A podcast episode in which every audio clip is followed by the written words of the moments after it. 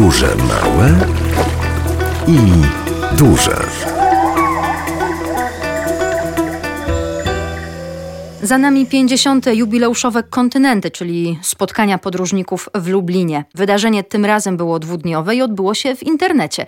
Jednym z wirtualnych gości i prelegentów był Arkadiusz Winiatorski, podróżnik, piechur, autor bloga Stones on Travel, który razem z Olą Synowiec zdobył właśnie Travelera, czyli nagrodę National Geographic Travel Poland za wyprawę z Panamy do Kanady. O tej wyprawie Arek z Olą opowiedzą dziś na antenie Radia Lublin. Dzień dobry, witajcie.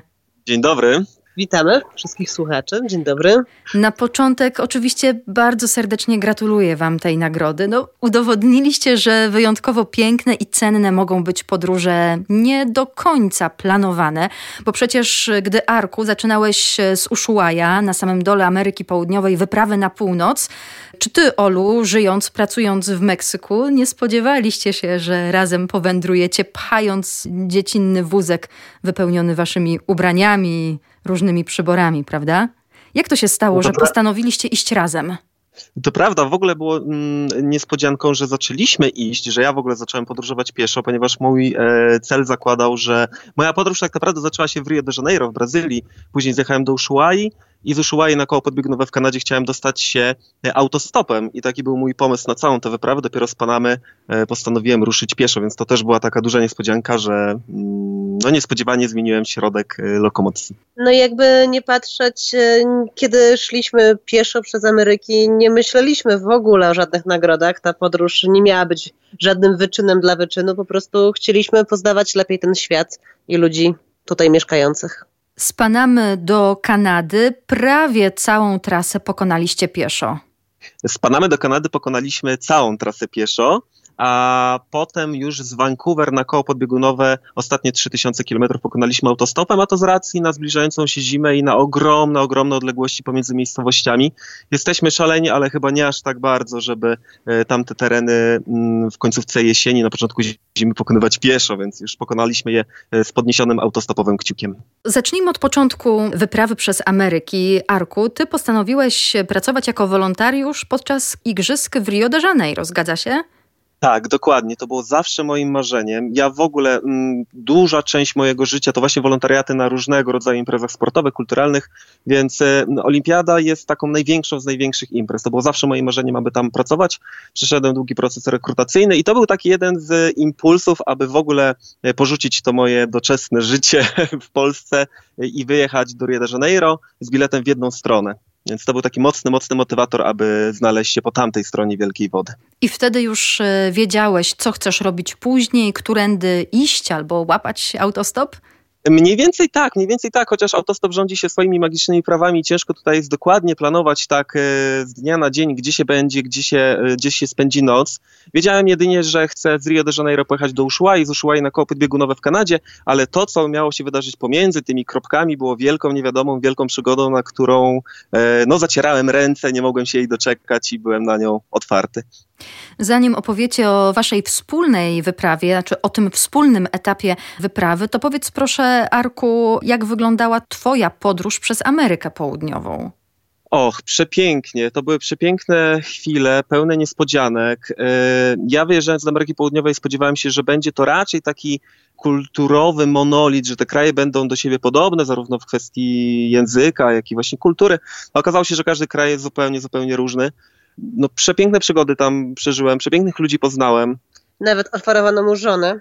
Tak. E, w, w, samochodzie w, pierwszy kierowca, który zabrał mnie w Peru, po przemiłej rozmowie zaproponował mi, że możemy pojechać do jego wsi i jeśli będę chciał, to jego córka może zostać moją żoną i razem z córką e, otrzymam już e, dziecko oraz lamę. To taki zestaw był, który mogłem mogłem utrzymać od, od, od tego przemiłego pana. Na Ale szczęście nie wszystko. Nie skusiłeś się, tak. Nie, nie, nie, nie. Bardzo dobrze. Jeszcze wtedy nie wiedziałem, że na swej drodze poznam Olę. Jeszcze nie wiedział, że Ola istnieje Jeszcze nie wiedział, jeszcze nie wiedział. Widzisz, to ja już pewnie wtedy mogłam wiedzieć o Oli. Nie wiem, Olu, kiedy ty wydałaś książkę o Meksyku, nie pamiętam. Jeszcze wtedy w takim razie o mnie nie wiedziała. To jeszcze nie, no dobrze. Dwa lata temu. Książka dwa lata. Tak. Mhm. No dobrze, to, to jednak, to jednak Arek był pierwszy, tak? O, mniej więcej się zbiegło to wszystko w czasie. Arku, przez Amerykę Południową poruszałeś się autostopem, ale miałeś wytyczony mm, dokładny szlak?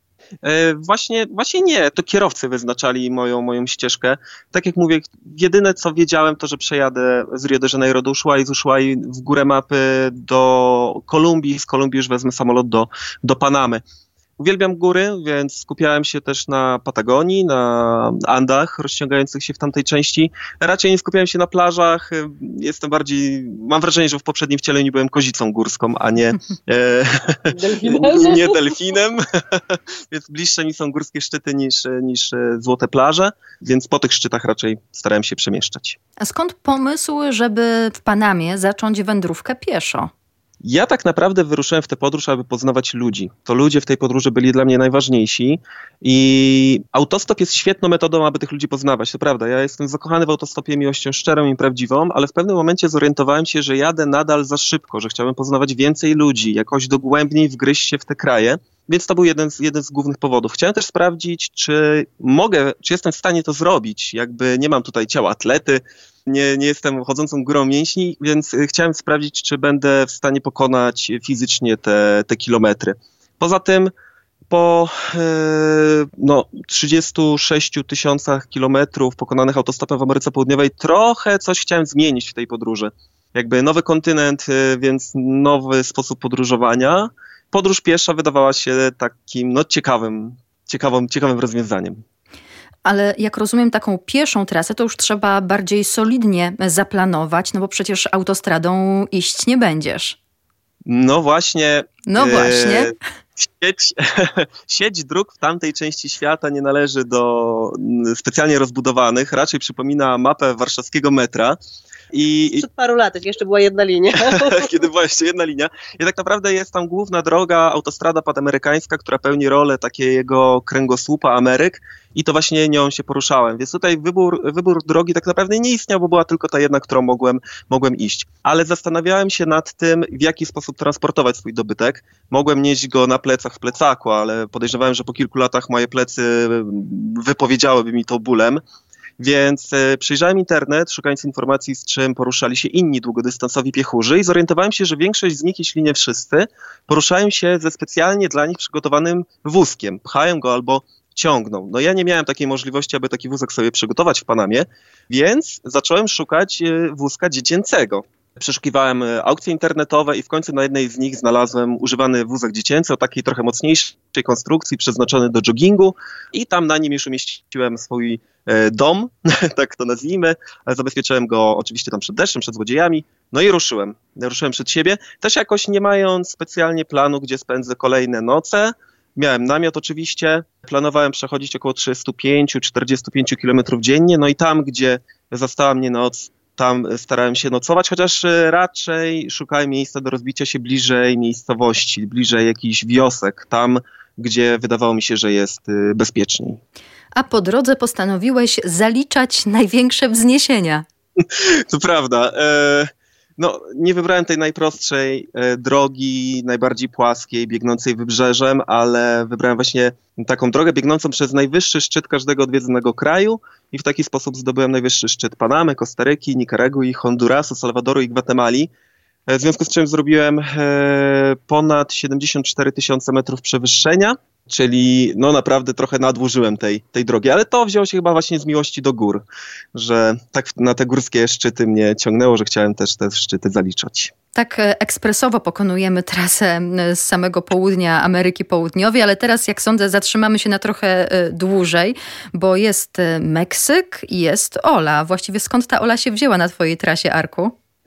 To historia naszego poznania też jest ciekawa. Kiedy przekroczałem granicę pomiędzy Gwatemalą i Meksykiem, napisałem na, w mediach społecznościowych na moim profilu Stonson Travel, że już jestem w Meksyku i nasz wspólny znajomy z Olą, Zdzich Rabenda, którego gorąco pozdrawiamy, napisał mi, że jeśli jesteś w Meksyku, to musisz poznać Olę, emocje gwarantowane, tak, tak napisał.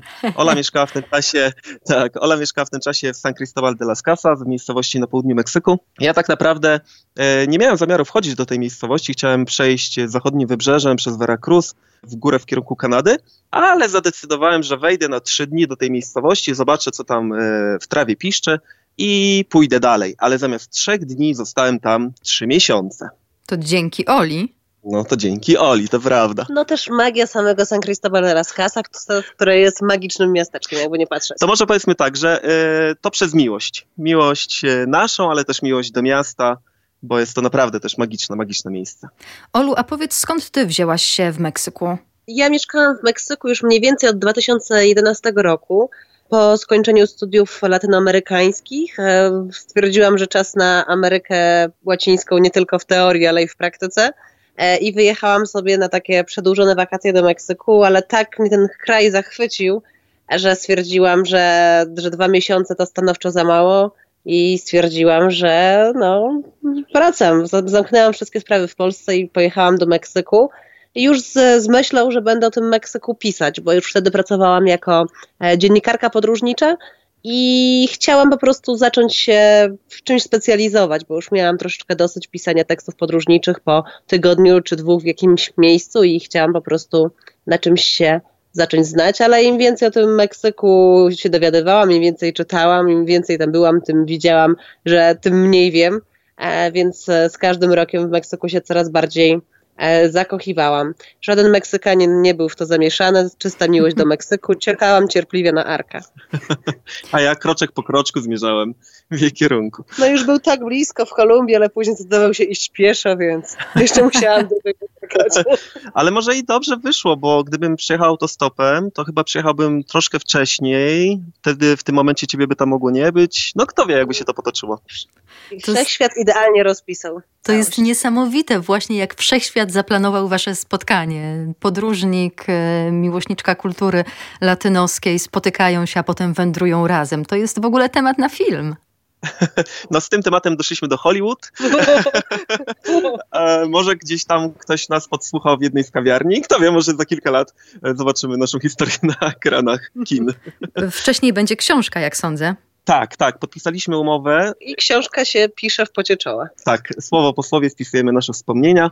No ciężko nam opowiedzieć, kiedy ona ujrzy światło dzienne, ale mamy nadzieję, że już w przyszłym roku e, uda się ją kupić, nabyć, przeczytać.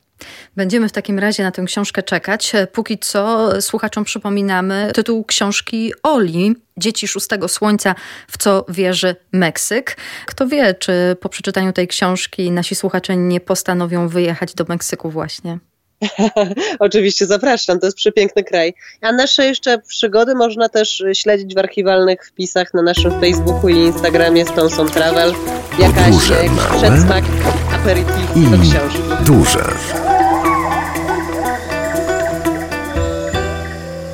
Ola Synowiec i Arek Winiatorski dziś na antenie Radia Lublin opowiadają o swojej wyprawie z Ameryki Środkowej na koło podbiegunowe. Wiemy już, e, Arku, że dotarłeś do Meksyku, poznałeś Ole, zamiast zostać kilka dni, zostałeś trzy miesiące, no i potem postanowiliście oboje wyruszyć pieszo. Olu, trzeba było cię namawiać do tej wyprawy? Nie trzeba było, ale przyznaję, że kiedy Arek przyszedł do San Cristobal i opowiedział mi swoją historię, to pomyślałam, że jest wariatem, pozytywnym, ale wariatem. Troszeczkę nie rozumiałam, po co to robi, ale miałam czas, żeby, żeby to troszeczkę zrozumieć. Jeszcze w międzyczasie właśnie pojechałam do, do Polski na promocję owej książki o Meksyku i wtedy zaczęłam troszeczkę więcej spacerować. Zamiast pojechać gdzieś tramwajem, to stwierdziłam, że się po prostu przejdę i zaczęłam to bardzo lubić, bo rzeczywiście idąc dostrzega się o wiele więcej szczegółów. E, I też myślę, że to jest taki, taka fajna forma medytacji, przemyślenia niektórych spraw życia codziennego, także zaczęło mi się to bardzo podobać komórka liczyła mi kolejne tysiące kroków, a ja stwierdzałam, że może dam radę. I jak wróciłam do Meksyku, stwierdziliśmy, że, że pójdziemy dalej rzeczywiście pieszo. Dla mnie to też było bardzo fajne, bo chciałam poznawać Meksyk, a będąc samotną kobietą, o przepraszam, nie samotną, samodzielną, solo kobietą, no nie wszędzie jest bezpiecznie pojechać, a w takim towarzystwie mogliśmy poznawać, mogłam poznawać ten Meksyk E, o wiele głębiej i teraz się śmieję, że przez te 7 lat, kiedy tam mieszkałam, nie zdołałam poznać tak dobrze Meksyku, jak podczas tych 7 miesięcy naszej wspólnej podróży. A to ciekawe, że mówisz o poznawaniu, bo ja tak szczerze zastanawiałam się, czy idąc, wędrując dzień w dzień, męcząc się, zdzierając buty, czy rzeczywiście można mieć jeszcze prawdziwą frajdę z poznawania nowych miejsc, z odkrywania czegoś nowego? ma się niesamowitą frajdę, ponieważ można, można zobaczyć te kraje od strony no trochę mniej turystycznej, bo no, idąc te 35-45 kilometrów dziennie, byliśmy zmuszeni zatrzymywać się w miejscowościach, gdzie żaden turysta się nie zatrzymuje, ponieważ nie ma tam y, rzeczy, obiektów turystycznych, nazwijmy to. Ale w związku z tym właśnie, kiedy przychodziliśmy do tych miejscowości, cała wioska chciała nas poznać. My też chcieliśmy poznać ich, więc już po pięciu minutach spędzonych pod wieczór e, przed sklepem, odpoczywając, mieliśmy tutaj okazję, żeby poznać życie e, tej wioski od środka. Więc to była niesamowita forma poznania. I rzeczywiście na początku ja byłam bardzo wyczerpana, kiedy dochodziliśmy do tych miejscowości i nie przychodziło mi do głowy w ogóle rozmowy z nikim, ale Ameryka Łacińska jest na tyle kochana i na tyle otwarta, że po prostu nie było możliwości, żeby tych ludzi nie poznać, bo oni sami tak byli zainteresowani tutaj naszym przyjściem, że, że przybiegali, rozmawiali, przynosili wodę, kokosy, jedzenie. Także no, było to przepiękne.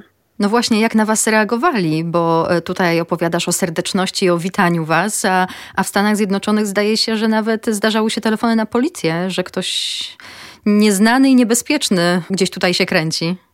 No to prawda. E, Stany Zjednoczone są zupełnie innym światem niż Ameryka Łacińska. Ten mur oddzielający Stany od Meksyku to jest taki mur oddzielający dwa zupełnie różne światy. I faktycznie w Stanach było z tym odrobinę e, trudniej e, przez może to, że pchaliśmy ten wózek dziecięcy, czy przez to, że w ogóle poruszaliśmy się tam pieszo. Bardzo często brano nas albo za osoby bezdomne, albo za jakichś wariatów, albo za bezdomnych wariatów wręcz i parokrotnie, to prawda, wezwano do nas patrol policji, kiedy odpoczywaliśmy w miejskim parku. A, no, kiedy idzie się maraton dziennie, to jednak odpocząć czasami trzeba. Policjanci zawsze podchodzili do nas ze szczerym uśmiechem, kiedy dowiadywali się, że przyszliśmy z panami, nie dowierzali, gratulowali nam, zachowywali się przepięknie ale e, ze z takimi statystycznymi, normalnymi Amerykanami mieliśmy bardzo utrudniony kontakt jeśli już e, nawiązywaliśmy jakieś kontakty, to te rozmowy były bardzo takie płytkie, szybkie, takie small talki. Przykładowo jed, e, w jednym z marketów poznaliśmy panią, która zapytała nas, och, idziecie, idziecie pieszo? Tak, to prawda. A skąd? Z Panamy. A dokąd? Do Kanady. O, no to fajnie, no to powodzenia, cześć. Na tym się, ta, na tym się ta rozmowa skończyła. Tak, dokładnie, na tym, na tym ta rozmowa się skończyła. Gdybym ja spotkał taką osobę, no pewnie miałbym do niej tysiąc pytań ale na szczęście poznawaliśmy bardzo dużo ludzi e, dzięki serwisom internetowym, e, couchsurfingowi i warm showers, a także dzięki przecudownej amerykańskiej Polonii. Wieść o nas wśród Polonii amerykańskiej się roznosiła bardzo szybko i zapraszali nas do domów, spotykaliśmy się z nimi. Także tych kontaktów z ludźmi w Stanach nam nie brakowało, jakby nie patrzeć, ale rzeczywiście takie przypadkowe spotkania zazwyczaj były szalenie uprzejme, ale dość płytkie. Powróćmy do Meksyku. O jakich e, miejscach, a może i spotkaniach warto tutaj opowiedzieć i wspomnieć? Co ciekawego zobaczyliście, kogo poznaliście? No bo byliście w różnych miejscach i na jakiejś plaży nudystów i wędrowaliście przez pustynię i spotykaliście się z różnymi ludźmi. Na ile też to mieliście zaplanowane? To znaczy na ile zrobiliście research i wiedzieliście, że tu w okolicy jest coś atrakcyjnego albo tam warto się udać? No, każde spotkanie było naprawdę bardzo ciekawe i bardzo dużo wnosiło do naszego życia, nas bardzo zmieniało. I rzeczywiście było dużo takich niesamowitych postaci, które spotkaliśmy, jak na przykład Arek spotkał szewca gdzieś, to może ty opowiesz? Może ja opowiem. Tak, y, w, Salwadorze przed y, takim starym kinem poznałem szewca, który w latach 80. pracował w Dolinie Krzemowej. Tam pracował przy produkcji mikroprocesorów, był naprawdę takim e, poważanym e, programistą, ale w pewnym momencie zdecydował, że musi wrócić do swojego kraju, że jednak Salwador to jest jego miejsce. No i faktycznie z tymi dyplomami z wyższych uczelni, które zdobył w Stanach Zjednoczonych, powrócił do, do Salwadoru. No tam później jego życie już różnie przebiegało. Ostatecznie został szewcem przed, przed kinem, więc, więc to ciekawe. Kolejny materiał na film swoją drogą ale spotykaliśmy też takich ludzi, którzy nie mają bardzo hollywoodzkich historii, ale takich to były historie dla nas też bardzo cenne i ciekawe. Ludzi, którzy nigdy nie wyjeżdżali ze swoich miejscowości, ale byli bardzo dumni z tego, że wysłali na przykład dzieci na studia. I to były też bardzo cenne historie, bo były opowiedziane po prostu nam gdzieś tam pod sklepem, gdzieś w cieniu. I to też były bardzo niezwykłe spotkania. Większość spotkań, jakby nie patrzeć, była nieplanowana, no bo jak coś takiego zaplanować, ale ja po drodze, kiedy szliśmy przez Meksyk, też pracowałam i pisałam artykuły o Meksyku, więc rzeczywiście wcześniej robiłam jakieś rozeznanie, o czym można by gdzieś napisać i po drodze powstało kilka tekstów, na przykład w miejscowości Isucar de Matamoros w stanie Puebla. Odwiedziliśmy rodziny rękodzielników, którzy od lat zajmują się niezwykłą tradycją tworzenia takich ceramicznych drzew życia, takich naprawdę majstersztyków ceramicznych. Przepiękna, przepiękna rzecz. Także spotkaliśmy się z niesamowitymi rodzinami tych artystów. E, też smutna historia, bo to jest coraz sztuka mniej opłacalna. Też są to, oni są ostatnimi pokoleniami, którzy zajmują się to, tą tradycją, a o wiele lepiej już teraz wyjechać sobie do Stanów i tyle, co tam się zarabia w kilka godzin na budowie, oni zarabiają e, w tydzień. Także było takie spotkanie, też wpisałam po drodze na przykład o migrantach, którzy pokonywali taką samą trasę jak my i dużo o nich po drodze myśleliśmy. I na północy Meksyku odwiedziliśmy kilka ośrodków um, dla migrantów, nawet zatrzymaliśmy się w jednym z nich i pomagaliśmy troszeczkę przy przygotowaniu posiłków, a także spotkaliśmy się z ludźmi, którzy pomagają tym migrantom. I na ten temat też powstał jakiś tekst to, o czym pisaliście też na blogu, uświadamia nam, że w innych częściach świata ludzie z jednej strony żyją podobnie, a z drugiej strony zupełnie inaczej. No to prawda, jakby podczas tej podróży przekonaliśmy się, przypomnieliśmy sobie taką rzecz oczywistą, ale o której bardzo, bardzo często zapominamy, że mimo tego, że jakby dzielą nas, czy różnią nas jakieś, e, nie wiem, ubranie, styl życia, czy, czy, czy, czy jakieś przekonania, to wewnątrz tak naprawdę jesteśmy dokładnie tacy sami. O tym samym marzymy, o tym samym śnimy. Chcemy dobrego wykształcenia dla dzieci, chcemy mieć dom, chcemy e, mieć opiekę, opiekę medyczną i to jest wspólne dla wszystkich ludzi pod każdą szerokością geograficzną, bez względu na to, że e, no jakoś tam... Powierzchownie się trochę różnimy, odrobinkę. No, odrobinkę. A propos spotkań, to wyczytałam w e, artykule w cookbooku o tym, jaką niespodziankę przygotował dla was pewien ksiądz ze swoją lokalną społecznością. Oj, coś niesamowitego. Coś niesamowitego. To było przepiękne wspomnienie, przepiękny moment. My na północy Meksyku doznaliśmy takiego łańcuszka dobroci, łańcuszka szczęścia, jak to nazwaliśmy, mianowicie księża mm, z poszczególnych parafii, ponieważ my szukając miejsca na noclegi często też pytaliśmy właśnie mm, na parafiach, czy możemy się tam rozbić z namiotem, bo jest to miejsce w miarę bezpieczne. Więc ci księża przekazywali sobie wieść o nas z parafii do parafii, więc kiedy przechodziliśmy do kolejnej e, wsi, tam już e, księża wiedzieli, że nadchodzimy i zawsze nas e, tam w jakiejś formie witali. I jeden drugiego naprawdę prześcigał z tą gościnnością i już na wyżyny otwartości wzniósł się ksiądz Nikola z miejscowości Kaborka w stanie Sonora, który zaprosił nas na niedzielną mszę i po tej mszy zaprosił nas przed ołtarz i wtedy wszyscy wierni E, krzyknęli głośno po polsku witajcie i wyciągnęli polskie flagi. Coś pięknego, Coś ryczeliśmy pięknego. jak bobry. Potem okazało się, że przed mszą ksiądz specjalnie przytrzymał nas dłużej e, na plebanii, a wszystkich wyuczył tego witajcie po polsku, którego wcześniej nauczył się od nas. Nie podejrzewaliśmy po co, o, co, o co chodzi w ogóle, żeby to nas akurat tak. A te flagi zrobiły dzieci dzień wcześniej na katechezie. W ogóle plan był taki na początku, że te flagi oni umieszczą polskie na naszej drodze z poprzedniej miejscowości, żebyśmy szli i żeby otaczały nas te flagi, ale to była pustynia, wiatr hulał na przestrzał, więc stwierdzili, że te flagi pewnie podfruwają i nic z tego nie zobaczymy, więc zachowali to na tę piękną mszę świętą. No te wspomnienia wracają nawet kiedy teraz o tym opowiadamy i mamy gęsią skórkę. To, naprawdę to było, mamy. Naprawdę mamy. Ta, ta, świadomość, że jesteśmy tak daleko od domu, że no bądź co bądź jesteśmy w obcym kraju i w tym momencie poczuliśmy się jakby tak zaopiekowani, tak, tak gościnnie przyjęci. Coś, coś pięknego. To był, to był naprawdę wzruszający moment. Podróże małe i duże. I wracamy do rozmowy z Olą Synowiec i Arkiem Winiatorskim. Jak podsumowalibyście wasze przejście przez Meksyk? No cóż, zajęło nam to 7 miesięcy, 4000 kilometrów. Chyba nawet więcej. Chyba 4000 ponad... były moje, 4,5 twoje, nie? Mm -hmm.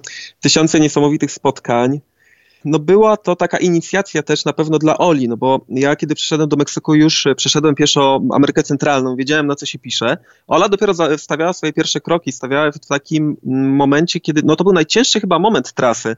Najpierw e, bardzo gorące wybrzeże Oaxaki, później góry oaxakeńskie, czy góry stanu Oaxaca, no przeraźliwe.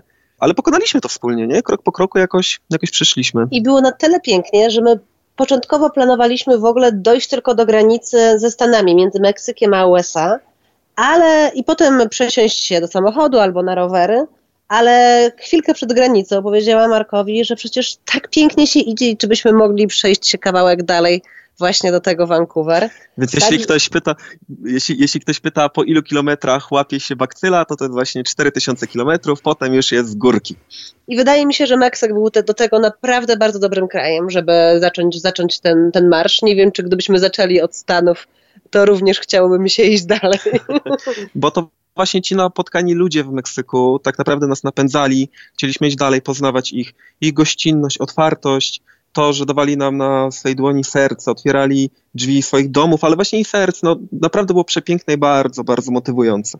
I jak rozumiem też bezpiecznie, mimo tego, co mówi się o Meksyku, o kartelach narkotykowych. Tak, było, było bardzo bezpiecznie. My też jak gdyby staraliśmy się w miarę bezpiecznie zachowywać i nie robić głupot. Na przykład jeśli chodzi o noclegi, to nigdy nie spaliśmy gdzieś tam w szczerym polu, tylko zawsze staraliśmy się spać wśród ludzi. Meksyk ma pięknie zachowaną taką tradycję społeczności, tego, że rzeczywiście te miasteczka o siebie w miarę dbają i mieszkańcy o siebie dbają, więc kiedy już trafialiśmy do wioski albo jakiejś miejscowości, kierowaliśmy się w pierwszej kolejności do kościoła, do księdza, żeby zapytać, czy możemy się rozbić na terenie kościoła. Jeśli księdza nie było, bo w Ameryce Łacińskiej tych nie każda parafia ma księdza, tylko czasem jest jeden na, na kilkanaście nawet, to jeśli księdza nie było, to szliśmy do, do policji, do, do władz miejscowości albo do jakiegoś mieszkańca, sklepy, sklepikarza, żeby zapytać, żeby się przedstawić, opowiedzieć kim jesteśmy, żeby też ci mieszkańcy się nas nie bali i oni już mówili, gdzie możemy się najlepiej roz, rozbić i byliśmy naprawdę wtedy, czuliśmy się bezpieczni i zaopiekowani. Chociaż mieliśmy też spotkanie z narkos, tak, albo z ludźmi troszkę tam dla nich pracującymi, ale to było bardzo fajne, przyjemne spotkanie, w jaki sposób to wyglądało. No na północy Meksyku też e, jakby nie ma zbyt wielu dróg, którymi można się poruszać. Szliśmy autostradą i odpoczywaliśmy pod wiaduktami, bo to było jedyne miejsce, gdzie znajdował się cień. I na każdym z tych wiaduktów widzieliśmy chłopaka na motorze z krótkofalówką. Na początku nie wiedzieliśmy dokładnie o co chodzi, dlaczego on tam jest. I kiedy odpoczywaliśmy pod jednym z tych wiaduktów, ten chłopak, e, tam kolejny chłopak na motorze zjechał do nas i wtedy zapytałem go, słuchaj, po co ci ten, po co ci ta krótkofalówka? On powiedział, że łączy się z mafią. Okazało się, że to są takie czujki, które wypatrują nadjeżdżającej policji albo wojska, które dziś tam próbują zrobić nalot, najazd na ich plantacje niekoniecznie legalnych upraw. E, ale e, powiedział nam ten chłopak, że słuchajcie, jeśli będziecie potrzebować pomocy na trasie, to tylko krzyknijcie do kogoś na wiadukcie i damy wam wodę, damy wam jedzenie. I potem, kiedy przechodziliśmy przez kolejne wiadukty, to te czujki już tam nas znały, wiedziały, bo ta wieś się pomiędzy nimi rozniosła i nas pytali, czy potrzebujemy jakiejś pomocy, czy potrzebujemy wody, więc nawet oni się nami zaopiekowali. Wspomniałeś o wodzie, no wiadomo, że jak się idzie takie kilometry dzień w dzień, jeszcze jak idzie się w takim upalnym klimacie, to woda jest niezbędna, ale ja bardzo ciekawa jestem, co tam jedliście. Kukurydzę?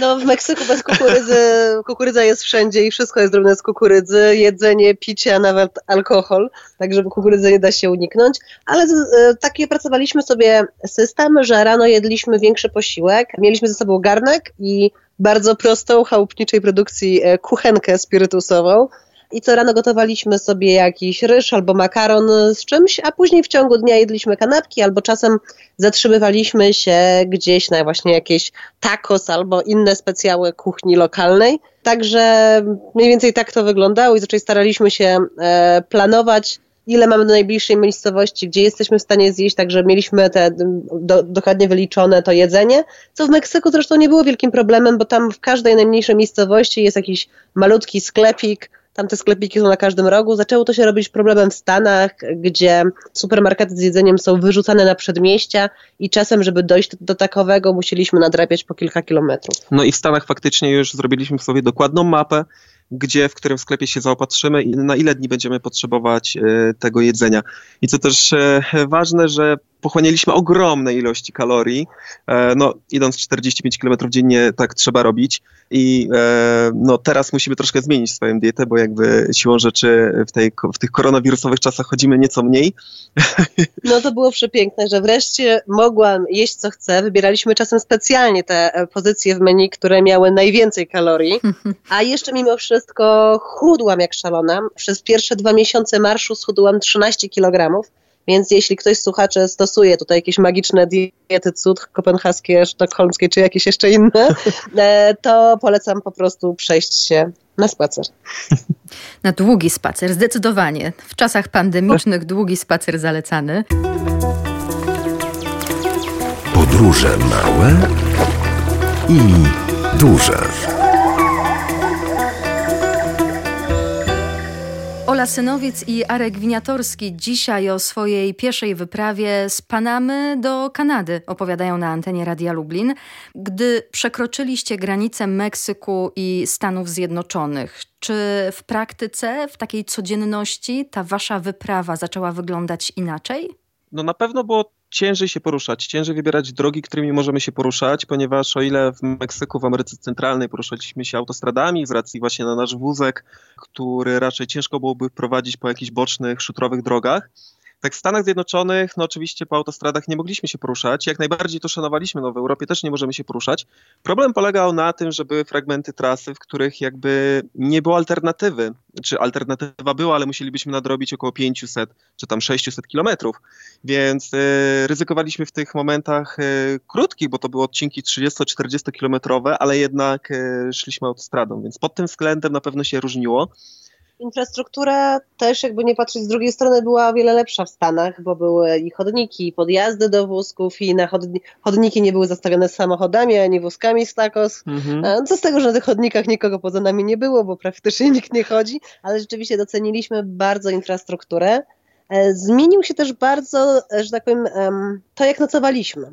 Nasze noclegi zmieniły się bardzo, bo o ile w, w Meksyku szukaliśmy raczej noclegów wśród ludzi w, w miejscowościach, to w Stanach uciekaliśmy gdzieś głęboko w las, e, bo żeby, żeby no, te nasze noclegi, jakby nie patrzeć, nielegalne gdzieś tam pozostały w ukryciu.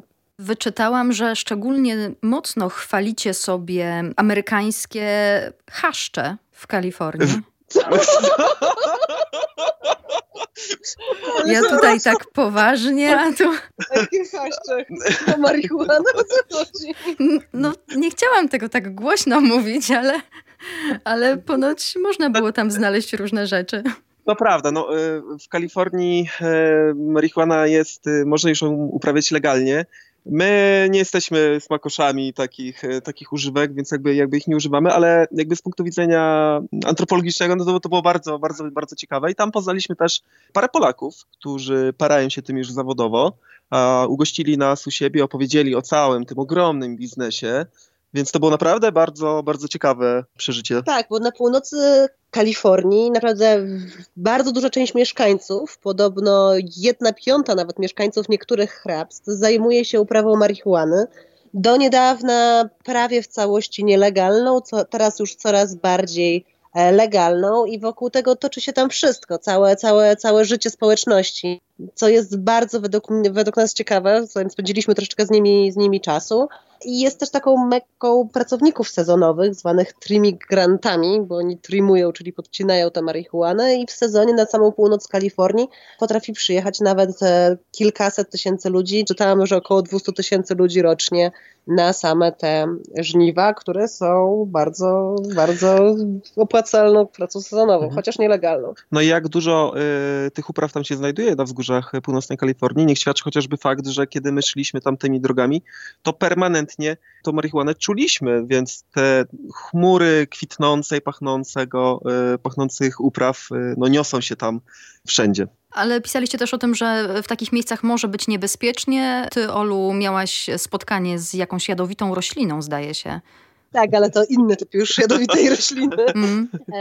W północnej Kalifornii poparzyłam się poison oakiem, czyli sumakiem jadowitym, bardzo tutaj niebezpiecznym, bo kiedy się nim poparzy i, się, i to zaczyna bardzo swędzić i zaczyna się to drapać, to to się roznosi coraz, na coraz szersze połacie, połacie skóry i jest to rzeczywiście bardzo bolesne. Ja już doprowadziłam się do takiego stanu, bo ja na początku nie miałam pojęcia o co chodzi, dlaczego ja się drapię. Myślałam, że to przez alergię na nowe leginsy i sobie rozdrapałam to po całych nogach. Zaczęło mi to strasznie robić, zaczęłam być bardzo słaba, nie mogłam iść, ale na szczęście bardzo szybko zareagowaliśmy. W szpitalu już się mną zajęto, a na szczęście byliśmy ubezpieczeni, więc e, luksusowy szpital, który wyglądał jak hotel, e, tutaj bardzo szybko, szybko zaradził. No i właśnie w tym miejscu też apelujemy do wszystkich naszych, naszych słuchaczy. Kochani, ubezpieczajmy się, kiedy wyjeżdżamy, nie tylko w Polskę, za granicę. To ubezpieczenie naprawdę może uratować nam budżet, no i zdrowie.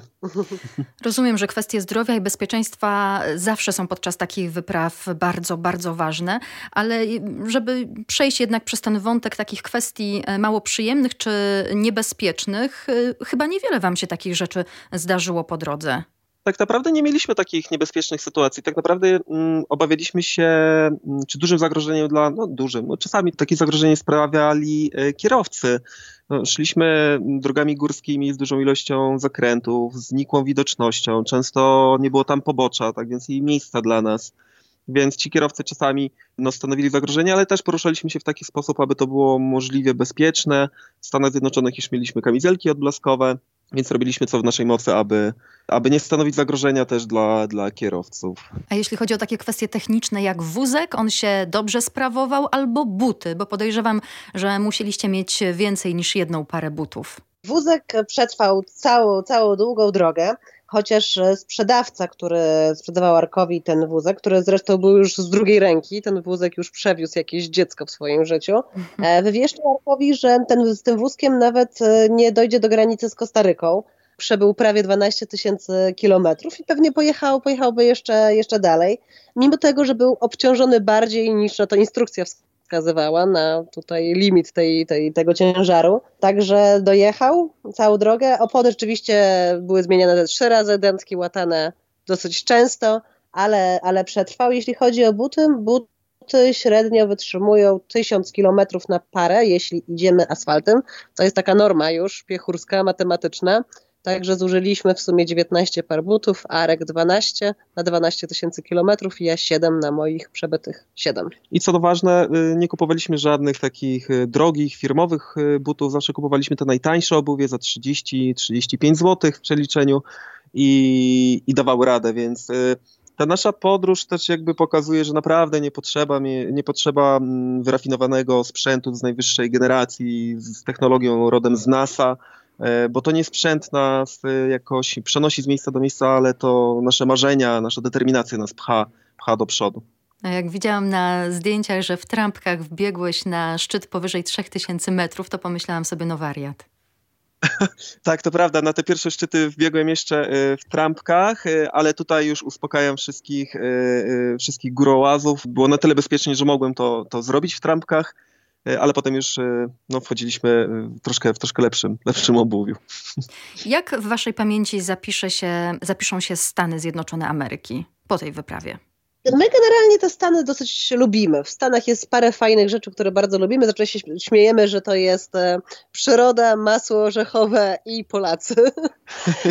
Ale rzeczywiście Stany są takim ciekawym dość konstruktem z dosyć młodą historią które my głównie znamy z, z, z, filmów i te filmy widzimy wszędzie. Idziemy drogą i czujemy się jakbyśmy tu byli. To jest taki troszeczkę abstrakt jakiś myślowy. Rzeczywiście czujemy, że tutaj gdzieś byliśmy, ale przecież nie byliśmy, tylko widzieliśmy to gdzieś na filmie. Też y, mają dosyć ciekawe atrakcje turystyczne, bo to nie są zabytki. Tych zabytków jest niewiele. Niektóre zabytki są młodsze niż kamienica moja na warszawskiej Pradze.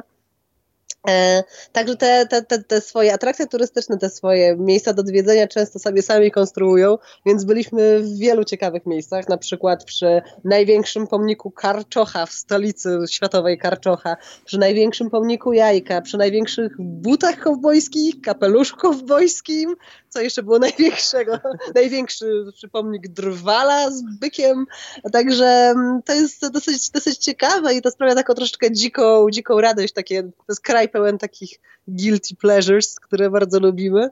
E, także Stany, Stany dadzą się lubić, ale na pewno nie z perspektywy pieszej. No to nie jest, to nie jest kraj dla dla piechurów, tak parafrazując tytuł znanego filmu.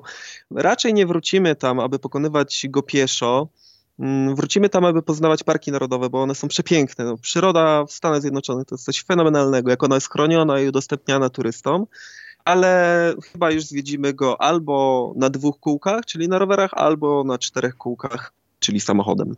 Na tym tle Kanada wypada spokojnie. W ogóle było widać te różnice. Niby te, te dwa kraje wydają nam się dość podobne, ale od razu, kiedy przekroczyliśmy granicę, poczuliśmy różnicę. O ile na przykład w, w, Stanach nikt nigdy tak z ulicy nas nie zaprosił, żebyśmy się rozbili u niego na ogródku. Nie, żebyśmy tego oczekiwali, ale w Meksyku zdarzało się to bardzo często. W Stanach ani, ani razu. I ledwo co przekroczyliśmy granicę z Kanadą, poznaliśmy jedną parę, która pomogła nam znieść e, wózek ze schodów i zapytali, co robimy. Zaczęliśmy z nimi rozmawiać, rozmawialiśmy z 15 minut i zaproponowali nam, żebyśmy rozbili się u nich na ogródku. Nie skorzystaliśmy, bo już akurat mieliśmy już nagrany jakiś inny nocleg, ale zobaczyliśmy różnicę. I też zobaczyliśmy, że o wiele więcej ludzi na ulicach. W Stanach rzeczywiście porusza się bardzo dużo samochodami, e, a w Kanadzie od razu ci ludzie na ulicach się pojawili, widać było, nie? Widać mm -hmm, było ten mhm. kontrast. Mm -hmm. I też jakby musimy to zaznaczyć, że ciężko jest nam się wypowiadać o całych Stanach i o całej Kanadzie, bo zobaczyliśmy tylko fragment tych krajów. One są ogromne, przypominają wielkością Europę chociażby, więc ciężko jest nam się wypowiadać o całym kraju, a tylko o tych fragmentach, które oczywiście widzieliśmy. Podróże małe i duże. Ola Synowiec i Arek Winiatorski opowiadają dziś o swojej nietypowej wyprawie. Przeszli pieszo z Ameryki Centralnej do Kanady. Arek właściwie swoją wyprawę zaczął na południu Ameryki Południowej. Najpierw był autostop z Panamy pieszo, w Meksyku poznał Ole, która dołączyła do jego pieszej przeprawy. Tak dotarli do Kanady, a potem jeszcze dojechali do koła podbiegunowego. Z tej podróży powstaje książka ale jej przedsmak dziś w magazynie Podróże Małe i Duże.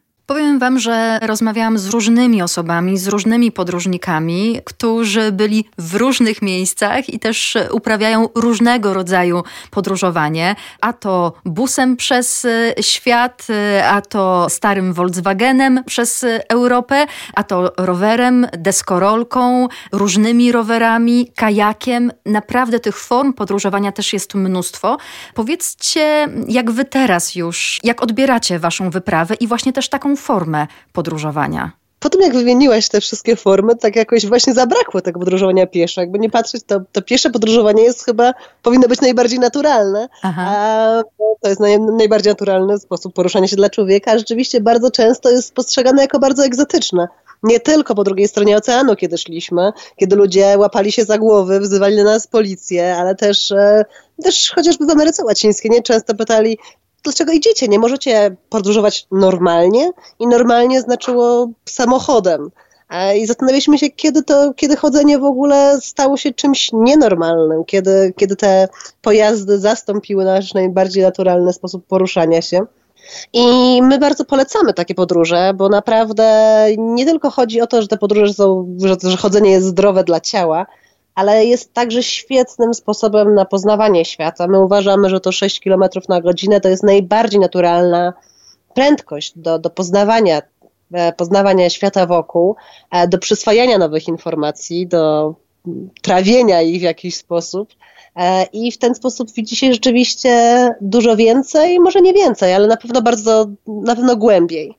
Jest to też najlepsza prędkość do poznawania świata, ale też siebie, bo podczas tej podróży mieliśmy naprawdę dużo czasu, aby przemyśleć e, różne sprawy, aby też się poznać e, dokładnie, więc polecamy. To jest też taka forma medytacji, chodzącej medytacji, chodzonej medytacji. No i też chodzenie jest bardzo ekologiczne, a w dzisiejszych e, czasach e, bardzo dużo mówi się o tym, jak podróżowanie, jaki podróżowanie zostawia wielki ślad węglowy w dzisiejszym świecie i staje się coraz bardziej wątpliwie, wątpliwe moralnie. Więc polecamy podróżowanie pieszo także z tego względu i myślę, że może to się nawet przyjmie teraz w Polsce w czasach, w czasach pandemicznych i popandemicznych kiedy zaczniemy doceniać takie mikrowyprawy i myślę, że jesteśmy tutaj dobrym przykładem tego, że, że to naprawdę daje ogromną, ogromną satysfakcję. No i oczywiście y, nie mówimy tutaj od razu, aby zaczynać od maratonu dziennie, nie trzeba przechodzić z Panamy do Kanady, wystarczy przejść wokół własnego miasta. E, proponujemy naprawdę, zachęcamy, aby przyjrzeć się szlakom turystycznym. E, PTTK zorganizowało czy przygotowało dla turystów przeogromną sieć tych szlaków turystycznych. Bardzo często znajdują się rzut beretem od naszych domów. My nie mamy świadomości, że one tam są ale są przepiękne, są poprowadzone przez fajne, atrakcyjne turystycznie miejsca, więc chodźmy, chodźmy nawet na takie mikrowyprawy, zacznijmy od 10-15 kilometrów dziennie, to da się zrobić naprawdę i poczujemy się lepiej e, w każdym wymiarze. Zostałam zachęcona przez Was. Dziękuję bardzo. ale muszę jeszcze, słuchajcie, o jedną rzecz dopytać. To znaczy, jeszcze mam mnóstwo pytań, ale czas antenowy nam nie pozwala na to, więc y, wszystkich z Państwa ciekawych opowieści o tej wyprawie odsyłam do internetu Stoneson Travel. Tam i opis, i zdjęcia z wyprawy Oli i Arka. Ale muszę Was jeszcze dopytać. Takie wspólne podróżowanie, wspólne chodzenie może być też sprawdzianem dla relacji, dla związku. Jak rozumiem, tutaj wszystko e, zakończyło się dobrze, ale na przykład zdarzyło Wam się kłócić po drodze? My tak się śmiejemy, że, że jeśli przeszliśmy to, to przejdziemy już wszystko w naszym życiu. I właśnie paradoksalne, może nie paradoksalnie, może właśnie tak, może, może właśnie tak powinno być, ale w trakcie tej podróży m, mm, prawie w ogóle się nie kłóciliśmy. Nasza najdłuższa kłótnia trwała może ze 30 sekund, może nie więcej niż minutę. Była raczej warknięciem. Tak. może, Cichych dni nie że, było. Nie, nie było. Może, śmiejemy się z tego, że może dlatego się nie kłóciliśmy, że byliśmy zbyt zmęczeni i jakby nie mieliśmy siły, aby się może kłócić. Może to świetna terapia dla par. tak, a nasza miłość napędzana jest właśnie przez nasze nogi, ale... Ale nie, tak nie, nie było. Nie, nie, tak Wróciliśmy nie do, że tak powiem, normalności, zastanawiamy, myśląc o tym, co w ogóle może być normalne, ale wróciliśmy do jakiegoś e, życia niepodróżniczego i rzeczywiście wciąż jest, wciąż się nie kłócimy. No nie, bo podróże są generalnie świetnym sprawdzianem dla związków, yy, zwłaszcza trochę takie bardziej ekstremalne podróżowanie, kiedy nie jedziemy do czterogwiazdkowego hotelu, ale jedziemy na rowerach czy płyniemy kajakami, bo jesteśmy poddawani ogromnym takim przeciążeniem psychicznym, jest dużo nerwów, stresu i wtedy naprawdę uświadamiamy sobie, że możemy polegać na drugiej osobie, że jesteśmy dobrym teamem, że, że idziemy razem, że, że jest tak, jak być właśnie powinno w związku, w życiu. W ogóle to jest świetny sprawdzian dla związku. Dzisiaj przy śniadaniu ze znajomymi śmialiśmy się, że nie powinno się jechać w podróż poślubną, tylko podróż przedślubną, żeby sprawdzić się, jak się w tym, w, tej, w tym teamie, w tej parze się dogrywa. To jest dobry pomysł. Bardzo Wam serdecznie dziękuję za rozmowę i zazdroszczę Wam też tej energii, optymizmu i radości. Ja rozumiem, że właśnie z takim nastawieniem na co dzień to można podróżować, pokonywać różne drobne problemy na trasie i zdobywać kolejne cele. Także trzymam kciuki za Wasze kolejne wyprawy, no a wcześniej za książkę. Dziękujemy serdecznie i mamy nadzieję, że zobaczymy się y, na szlaku. Do zobaczenia gdzieś. Może w polskich górach? Dziękuję Wam bardzo. Ola Synowiec i Arek Winiatorski. Jeszcze raz gratuluję Travelera, a więcej o wyprawie z Ameryki Centralnej na samą północ przeczytają Państwo na blogu Stonson Travel. Podróże małe i duże.